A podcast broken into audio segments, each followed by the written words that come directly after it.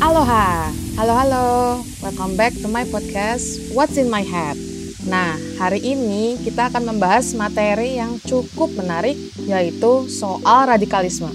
Waduh, radikalisme mau nyerang siapa nih Zah? Eits, tenang aja. Kita akan bahas semuanya secara pelan-pelan dan sistematis, dan tentunya seobjektif mungkin.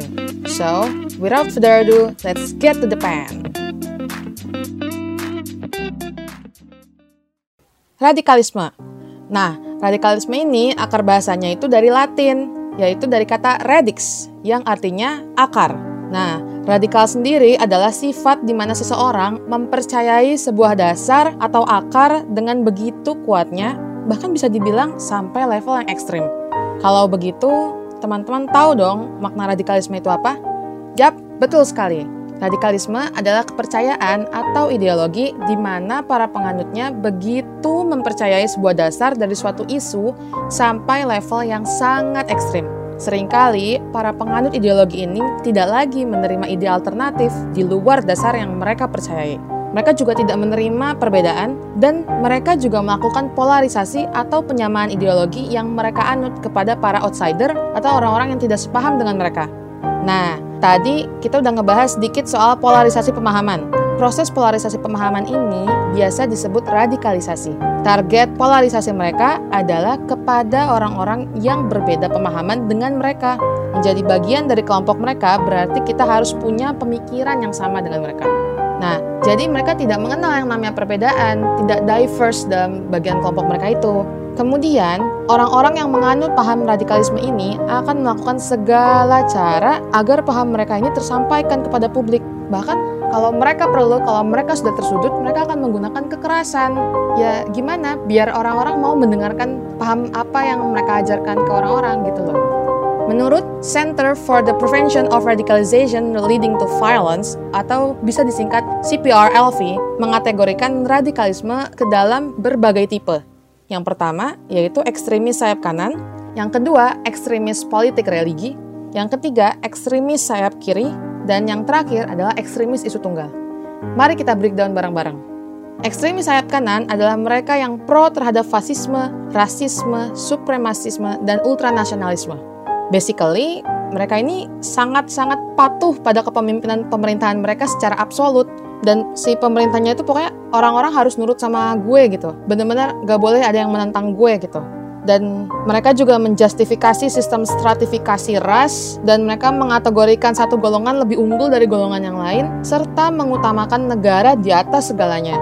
Mereka ini sangat mendukung otoritarianisme dari pemerintah atau oligarki yang berkuasa di saat itu. Kemudian ada ekstremis politik religi yang berhubungan dengan interpretasi politik suatu agama. Basically, mereka berpikir mengenai penggunaan agama sebagai media politik.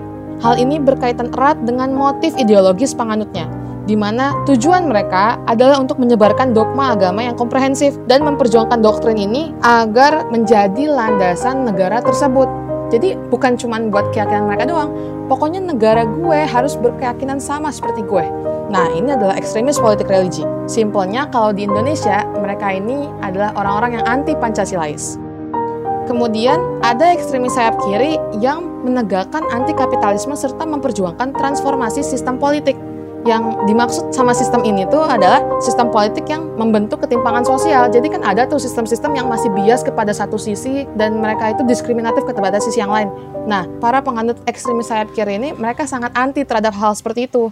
Dan kausa yang diperjuangkan oleh mereka ini sering kali berupa justice atau keadilan, poverty atau kemiskinan, dan mengenai politik.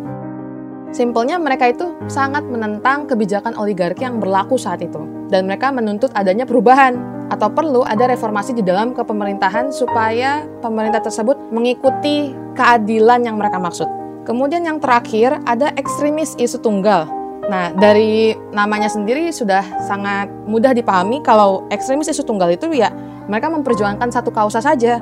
Contohnya ya para para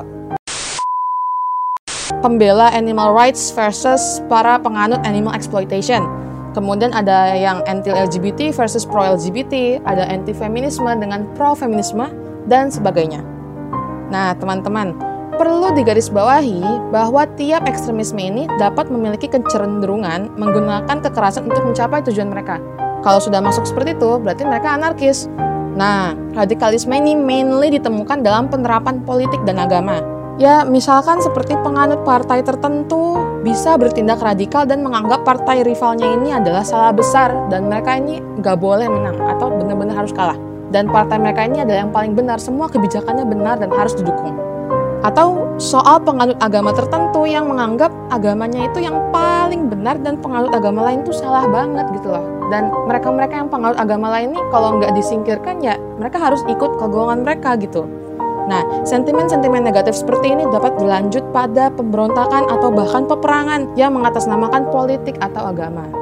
Nah, contoh radikalisme agama yang akan dibahas di sini adalah seperti para penganutnya sering kali melempar ancaman kematian kepada para rivalnya menggunakan dalil-dalil pendorong yang berhubungan dengan kitab mereka yang men, yang situ mereka maknainnya tuh dalil-dalil ini mendukung kekerasan. Contohnya, kalau menurut Abdillah tahun 2011, 2011 dalam penelitiannya yaitu dekonstruksi tafsir ayat-ayat kekerasan, umat muslim radikal sering kali menggunakan At-Taubah surat 9 ayat 29. Atau bagi umat Kristen mereka akan menggunakan Yohanes surat 8 ayat 37 sampai 44. Nah, ini dibahas oleh geotimes.co.id oleh Moon Imsiri dalam artikelnya yang yang berjudul Memahami ayat-ayat polemik dalam Bible. Sangat penting dan diperlukannya pemahaman yang komprehensif dalam mendalami kitab-kitab keagamaan untuk menghindari penggunaan ayat suci sebagai justifikasi tindak kekerasan. Karena tidak ada satu agama pun yang mengajarkan kekerasan dan paksaan sebagai solusi absolut mereka. Nah, teman-teman, radikalisme adalah pemahaman yang begitu ekstrim dan merupakan hasil dari kecanduan dalam suatu isu tanpa mau membuka diri pada ide-ide alternatif di luar benar salah tadi. Padahal tidak semua hal bisa dilihat lewat kacamata dikotomis. Diperlukan riset dan pemahaman mendalam untuk mengetahui posisi perjuangan terbaik yang membawa kebaikan bagi tiap masyarakatnya. Memahami sesuatu secara mendalam tidaklah masalah, tetapi penting untuk tidak memaksakan dan selalu membuka diri kepada ide-ide baru. Thank you for listening to my podcast. I hope you enjoy this a lot. I really appreciate it. If you want to share some insight with me and hopefully podcast radik radikalisme ini tidak berhenti di sini because there is still a lot to uncover. Uh, I'm Azra Maldina. This is Radikalisme 101. See you at my next podcast.